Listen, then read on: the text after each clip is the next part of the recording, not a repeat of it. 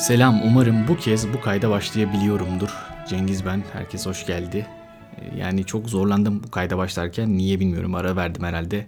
Onunla alakalı diye düşünüyorum. Ankara'da kış geldi, kar yağışını şu anda görüyorum. Umarım e, bu kışı güzelce geçiririz hep birlikte, sağlıkla ve diğer bir takım faktörlerin etkisinden uzak bir şekilde. Bugün psikanaliz literatürünün en tartışmalı vakalarından birisini konuşacağım. Küçük Hans vakası hakkında konuşmaya çalışacağım. Şöyle tartışmalı bir vaka. Birincisi çocuk olmasıyla alakalı. Bir anlamda çocuk analizinin de aslında başlangıcı da kabul ediliyor. E, Bir yandan da pek çok tartışmayı beraberinde getiriyor Küçük Hans vakası. Şimdi ona bakacağız ve psikanalizin yolculuğuna bakacağız. Hem de Küçük Hans'ın yolculuğuna bakacağız. Freud'un çarşamba geceleri düzenlediği bir toplantı vardı. Bir grup vardı aslında. 1902 yılında başlamıştı bu etkinlik. Pek çok aslında şu anda da devam eden bir geleneğin belki de başlangıcı. O zamanlardan da olan bir şey. Mesela benim de bir çarşamba grubu toplantım var aslında. Freud'un o dönem başlattığı şeyin belki de devamı niteliğinde sayılabilir. Tabii ekoller, kavramlar değişse de bu tarz süpervizyon toplantıları çarşamba günü bizde örneğin ya da bazılarında başka günler, hafta sonları ya da Zoom üzerinden hala devam ediyor. Bu anlamda da özel bir yeri var aslında bu toplantıların.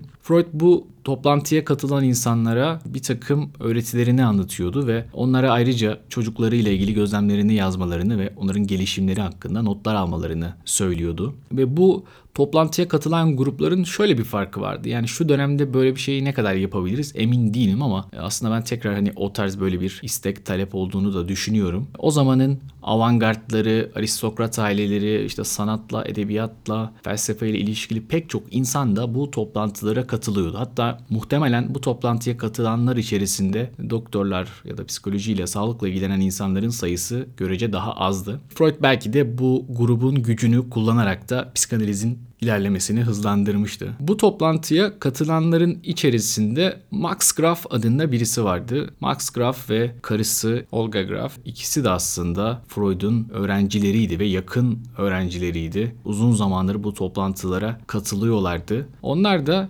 Freud'un tavsiyelerini dinleyerek kendi çocuklarıyla ilgili bazı notlar almaya başlamışlardı. Ve 1904 yılında Herbert Graf adında bir çocukları oldu. Bizim şu an Küçük Hans dediğimiz kitaplar yazılırken, yazılar yazılırken deşifre edilmiş adıyla Küçük Hans dediğimiz Little Hans o zamanlar hayata gelmişti ve Max Graf bir müzikologtu ve müzikle uğraşıyordu. Kendi babası da Gustav Mahler çok büyük bir müzisyendi. Yani bu o dönemin Avusturya'sında Yahudi ailelerinde özellikle belki de çok karşımıza çıkan bir şey. Müzikle uğraşmak, operayla, baleyle uğraşmak çok sık görülen bir şey. Gerçekten avantgardlık tam anlamıyla karşımızdaydı ve psikanaliz de bu gruptan çok fazla beslendi. Ve Max Graf Freud'un tavsiyelerine uyarak oğlu Küçük Hans'ı, Herbert'i bu şekilde yetiştirmeye başlamıştı ve esasen Ocak, Nisan 1908 tarihleri arasındaki kısa tedavi dönemini içeren çocuk psikanalizinin belki de ilk uygulaması ve süpervizyon olarak Freud'dan yaptığı ilk uygulamayı da bir yazıya dönüştürmüşlerdi.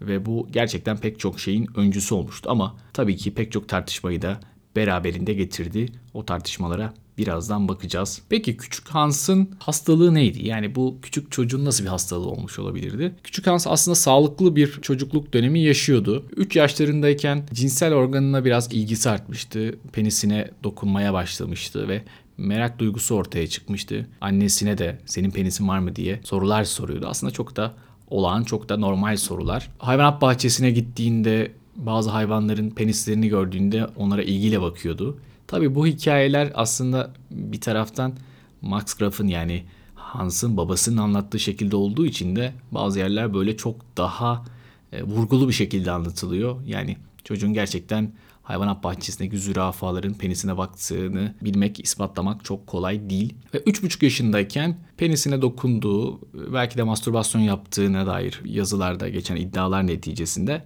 Annesinin çok tuhaf bir tepkisi var. Yani tuhaf diyorum çünkü o zaman için bu kadar eğitimli bir aile, aydın bir aile ve Freud'un öğretileri doğrultusunda yetişen bir ailenin şöyle bir tepki vermesi biraz garip geliyor aslında. İşte çocuğunu o şekilde görünce senin penisini keserim ve seni işte doktora götürürüm gibi bir takım böyle korkutucu ifadeleri söylüyor annesi. Aslında bir yandan da hani bu kastre edilme, hadım edilmekle ilgili korkular zaten içten içe olan korkuları belki de annesi doğrudan dile getirmişti. Bu anlamda hani hem birçok ödipal kastrasyonla ilgili çatışmanın anlatıldığı eğitim alan aile nasıl olur da böyle bir yanıt vermişti çocuğunun bu davranışlarına. Bunu gerçekten anlamak çok da mümkün değil. Aile bu toplantılara düzenli olarak katılıyordu ve çocuğun ortaya çıkan bazı problemlerini de Freud'a danışıyorlardı. Bazen mektuplarla danışıyorlardı, bazen yüz yüze. Herbert Graf da temel olarak şöyle bir korku ortaya çıkmıştı. Zaten hani bu fobik nevrozların da belki en temel vakası olma özelliğini buradan alıyordu. Küçük Hans atlardan korkuyordu. Özellikle yüzünde böyle siyahlık olan atlardan ayrıca korkuyordu. O atların kendisine zarar vereceğini, kendisini ısıracağını düşünüyordu ve at görmesi ihtimaline karşın sokağa çıkmadığı ya da atın olduğu yerlere, az olduğu yerlere gittiği, böyle kaçınma davranışları bir fobi yani hayvan fobisi diyebileceğimiz bir fobi geliştirmişti ama özellikle atlara karşı böyle bir durum vardı. Bu durumla da ilgili Freud'a Max Graf bir mektup yazmıştı. Bir atın sokakta onu ısıracağından korkuyor ve bu korku bir şekilde büyük bir penis tarafından korkmuş olmasından kaynaklanıyor gibi görünüyor. Bu mektup gerçekten enteresan bir mektup. Yani bir çocuğun attan korkmasını doğrudan atın penisiyle ilişkilendirmek aslında evet psikanalizin bu sembolik ifadelere ne kadar önem verdiğini bilenler için çok şaşırtıcı değil. Ama bir yandan da gerçekten garip yani biraz da zorlama. Bir çocuk attan korktuğunda yani onun kocaman olmasıyla alakalı olabilir, atın ne yapacağını kestirememekle alakalı olabilir. Sonuçta ona göre büyük ve yani at ısırır mı? Çocuğa göre belki ısırabilir ama penisinin büyük olmasından dolayı korktuğunu tahmin etmesi babasının biraz garipti aslında. Tabii Freud hani asisti yakalamıştı, hissetmişti yani buradaki madeni görmüştü ve çok hızlı ve seri bir şekilde hemen şu yorumu yaptı. Evet ya muhtemelen Max Graf senin yüzünde de kocaman bir bıyık var. Tıpkı burunsallık taşıyan bir at gibi. Yani sen de böyle baktığımız zaman işte burnu, bıyığı, böyle kuyruğu ve penisi olan bir ata benziyorsun. Aslında yüz ifaden çocuğunun korkusuyla uyuşuyor. Ve bu büyüsel düşüncenin temelinde galiba e, senin yüzünü sembolize ettiği bir şey var ve hani bu herhalde bir analoji ya da benzerlik olarak zihnin çarpıttığı, ürettiği bir şey ve aslında o zaman bu avantgardlıktan, bu aristokrasi ortamından bahsetmişken bu tarz analojiler kurmak, böyle sembolizasyonlar yapmak bir anlamda bu entelektüel evrenin bir zorunluluğuydu belki de. Peki gerisini tahmin etmek çok kolay aslında Freud'un en temel kuramları. Yani oradaki at gerçek bir at değil. Çocuk aslında atlardan korkmuyor. Burada bir yer değiştirme mekanizması var. Çocuk senden korkuyor ve sana olan korkusunu yer değiştirerek ata gösteriyor. Aslında burada korku ve anksiyete psikanalizin belki de en temel şeylerinden bir tanesi. Psikanalizde özellikle anksiyete çok büyük bir anksiyete olduğu zaman, anksiyete tüm vücudu sardığı zaman, benlik dağıldığı zaman biz psikozu görüyoruz genelde. Anksiyeteyi kristalize bir halde yani tek bir noktaya tutabilirseniz, daha kontrol edilebilir bir halde bir yerlere yönlendirebilirseniz, başka türlü savunma mekanizmaları kullanabilirseniz evet bu daha nevrotik durumları bize gösterebilir. Burada da küçük Hans aslında belki de e, görece sağlıklı bir şey yapmıştı. Yani bu anksiyetesini, korkusunu yani babasından kaynaklı korkusunu e, tüm insanlara, tüm evrene, tüm kainata yöneltmek yerine yalnızca atlara yöneltmişti. Yani Freud'un tabii ki e, spekülasyonuyla bunu söylüyorum. Ve bu fobik nevrozun ortaya çıkmasının sebebiydi. Babasından neden korkuyordu? Burası da yine işte psikanalizin bilinç dışı çatışmalarının en belki de merkezinde olan yer. Aslında Herbert Graf ödipal bir çatışma yaşıyordu. Yani annesinden hoşlanıyordu, annesini arzuluyordu ama annesi yasaktı. Buradaki yasaklık kurallar, kanunlardan da ziyade babasının büyük olmasıydı. Büyük bir bedene ve büyük bir penise sahip olmasıydı. Yani küçük Hans'ın henüz süper egosu gelişmiş değildi. Belki bu çatışmalar sayesinde süper egosu gelişecekti. Küçük yaşlarından itibaren Hans penisinin küçüklüğüyle daha büyük bir penis ihtiyacı ile ilgili defalarca kez bu isteğini dile getirmişti. Aile tabii bunları da böyle ilginç bulduğu için not etmişti. Çocuğun bu fantezilerinin çok önemli olduğunu farkındalardı. Bir keresinde eve gelen bir tesisatçı bir musluk değiştirmişti ve aklından geçen fantezi şuydu Hans'ın. Acaba benim penisimi de daha büyük bir penisle değiştirebilir mi? Özellikle işte zürafaların ve atların, fillerin penisine bakması ve oradaki penislerin kocamanlığının onu büyülemesi yine aslında bir büyük penis isteğiyle alakalı olarak yorumlanmıştı. Elbette babayı alt etmesi mümkün olmayacaktı ama babayı alt edemeyecek olsa bile zaman zaman böyle e, bir takım çatışmalar yaşıyordu küçük Hans. Ne oluyordu? Örneğin sabahları uyandığında anne ve babasının yatağına giriyordu ve bu onu çok mutlu ediyordu. Burada böyle baba da işe gidince dışarı çıkınca iyice bir galibiyet kazanmış hissi uyanıyordu küçük Hans'ta. Bir keresinde de hayali arkadaşlarından bahsetmişti. Aslında e, küçük yaşlardaki her çocuğun hemen hemen hayali arkadaşları olur. Bu hayali arkadaştan biraz fazlasıydı. Küçük Hans'ın küçük çocukları vardı hayalinde. Kendi çocukları vardı. Annesi kimdi? Kendi annesiydi. Babası ise yani Max Graf ise çocukların büyük babasıydı. Yani aslında Max Graf'ı bertaraf etmişti ve annesiyle birlikte olmuştu. Bu cinsel fantezisini de dile getirmişti. Tabii bu o zamanlar için psikanalizle ilgilenenler için gerçekten bingo diyecekleri yerdi. İşte evet bak biz de tam da bunu söylüyorduk. Peki bu hikayede gerçekten hani pek çok sembol var, pek çok çatışma var. İşte yer değiştirme savunma mekanizması var. İşte Ödipus kompleksi var, kastrasyon anksiyetesi var. Bu çatışmanın sebep olduğu sürekli kastrasyon tehdidi kaygısıyla yaşamak imkansız olduğundan küçük çocukta saldırganla özdeşleşme var. Bu tarz pek çok savunma mekanizması çatışmayı çözmek için geliştirilmiş durumda. Bunlar gerçekten Analysis of a Phobia in Five Year Old Boy başlıklı yazısında anlattığı gibi miydi? Burası her zaman tabii ki tartışmalı olmuştur. Birçok Freud eleştirisi Freud'un vakalarını kurguladığını, kendi kuramının doğrultusunda yeniden revize ederek yazdığını söyler. Aslında bu inanın sadece Freud'un da yaptığı bir şey değil. İnsanlar özellikle bir vaka sunumunda, bir case report'ta çoğunlukla temel bir şeyi savunmak için vakanın o şüphe uyandıran yanlarını biraz tıraşlarlar. Çünkü bir vakayı gerçekten ilginç yapmak için onun o şüpheli yanlarından biraz uzak durmak lazım ki gerçekten sen ne anlatmak istiyorsan onu bu şekilde anlatabil. Freud da bu vakada aslında bütün meseleyi ödipal çatışma ve kastrasyon anksiyetesi üzerine kurmuştu. Burada annenin durumundan pek bahsetmemişti. Annenin ruhsal hastalıklarından pek bahsetmemişti. E, Max Graf'ın Freud'un tesirinde kalarak bunları yaptığından pek bahsetmemişti. Sadece iyi diş edilme korkusunu önümüze çıkarmıştı ve fobik nevrozun temelinde bunun olduğunu bize söylemişti. Ama yani bu hikayeler tabii ki doğrudan hani Freud'un anlattığı gibi oluyor muydu? Olmuyor. Bazen bunların arka planına dair bazı araştırmalar, gazeteciler bu insanları bulup tekrar konuşturuyorlardı. Herbert Graf'ı bulmak da çok zor olmadı. Çünkü gerçekten bu insanlar genellikle avantgard ailelerin çocukları. Yani böyle gizli saklı kenarda köşede insanlar değiller. Çok bilinen insanlarlar. Hele siz her ne kadar bu isimleri böyle kodlayarak yazsanız da biraz sizi tanıyorlarsa insanlar kimden bahsettiğinizi çok kolayca anlıyorlardı. Az sayıda insan ve az sayıda aristokrat aileden bahsediyoruz. Burada müzisyen baba Max Graf ve onun babası Gustav Mahler o da çok çok büyük bir müzisyen. Hatta bu podcast'in girişinde de onunla girmek istedim. Gustav Mahler'le. Yani hikayeler o kadar birbirinin içine geçmişti ki geçen sefer de bir podcast'te Arnold Schönberg'den bahsetmiştik kıskançlıkla ilgili. Ee, mesela burada da işte bu Gustav Mahler yani bu Küçük Hans'ın büyük babası bir kadınla evleniyor. Bu kadın aslında o Schönberg'in kayınbiraderinin sevdiği Zeminski, o da bir müzisyen, besteci. Onun sevdiği bir kadın falan filan. Yani o zamanlar gerçekten Viyana'da çok garip işler dönüyor ve hemen herkes birbirini tanıyor yani belli bir zürmedeki insanlar. O yüzden e, burada Küçük Hans'ın kim olduğunu bulmak da çok zor olmamıştır diye tahmin ediyorum. Sonrasında da Küçük Hans'a soruyorlar ya bu işler neydi ya sen hatırlıyor musun?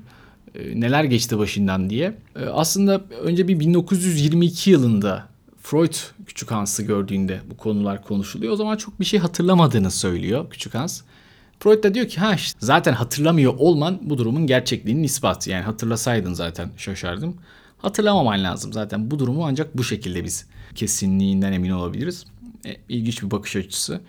E, hatırlasaydı da başka türlü belki yorumlayacaktı. Bundan da emin değilim. Daha sonra bazı röportajlar yapıyor. Küçük Hans biraz daha büyüdüğü için e, bazı şeyleri anlaması, aktarması daha kolay olabiliyor. Atlarla ilgili korkusunu tekrar şöyle bir gözden geçirdiğinde aslında çok küçük yaşlardayken bir atın Viyana'nın o böyle kaygan zeminlerinde düşüp önüne yığıldığını, at arabasının böyle paramparça olduğunu, dağıldığını ve çok büyük bir gürültü ortaya çıktığını ve bundan dolayı çok büyük bir korku yaşadığını hatırladığını söylüyor. Yani aslında en basit mantıkla hani biraz daha dinamik bir açıklamadan ziyade cognition yani bilişsel davranışçı terapinin açıklamalarıyla alakalı bir şeydi. Yani bir koşullama vardı. Yani at önüne düştü ve bir korku yarattı. Evet artık atlar korkulması gereken şeyler gibi çok basit bir koşullanma vardı burada. Ve bundan sonraki hayatında da atlardan muhtemelen bu nedenle korkmuştu. Ama hikayede asla Freud'un yazdığı hikayede bu e, meseleye bir yer verilmemişti.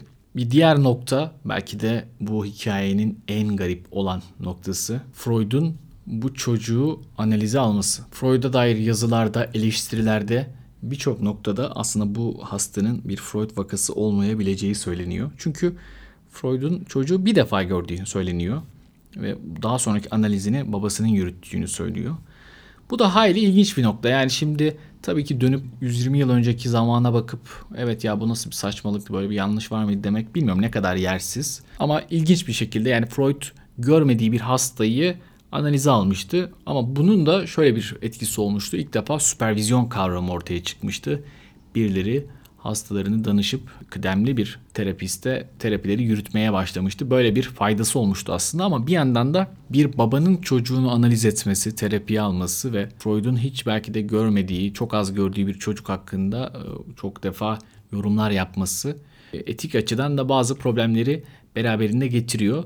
Tabii Freud, Anna Freud'u da terapiye almıştı, analize almıştı kendi kızını.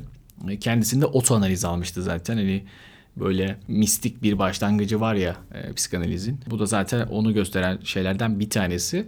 Ama e, çocukluk çağı nevrozuna şöyle tekrar dönüp bakarsak çocuklardaki ödipal çatışmalar, kastrasyon anksiyetesi, işte bu anal dönem, oral dönem, fallik dönem Freud'un gerçekten çok büyük katkılarının olduğu yerler. Birçok çocukta buna benzer şeyleri, bu tarz anksiyeteleri, çatışmaları görüyoruz ve bunu bazen düşlerinde, fantezilerinde karşımızda görebiliyoruz. Tabii çocuklarla ilgili bir diğer mesele şuydu. Yani Freud o zaman destekçilerine, takipçilerine çocuklarını not almalarını söylemişti. Evet.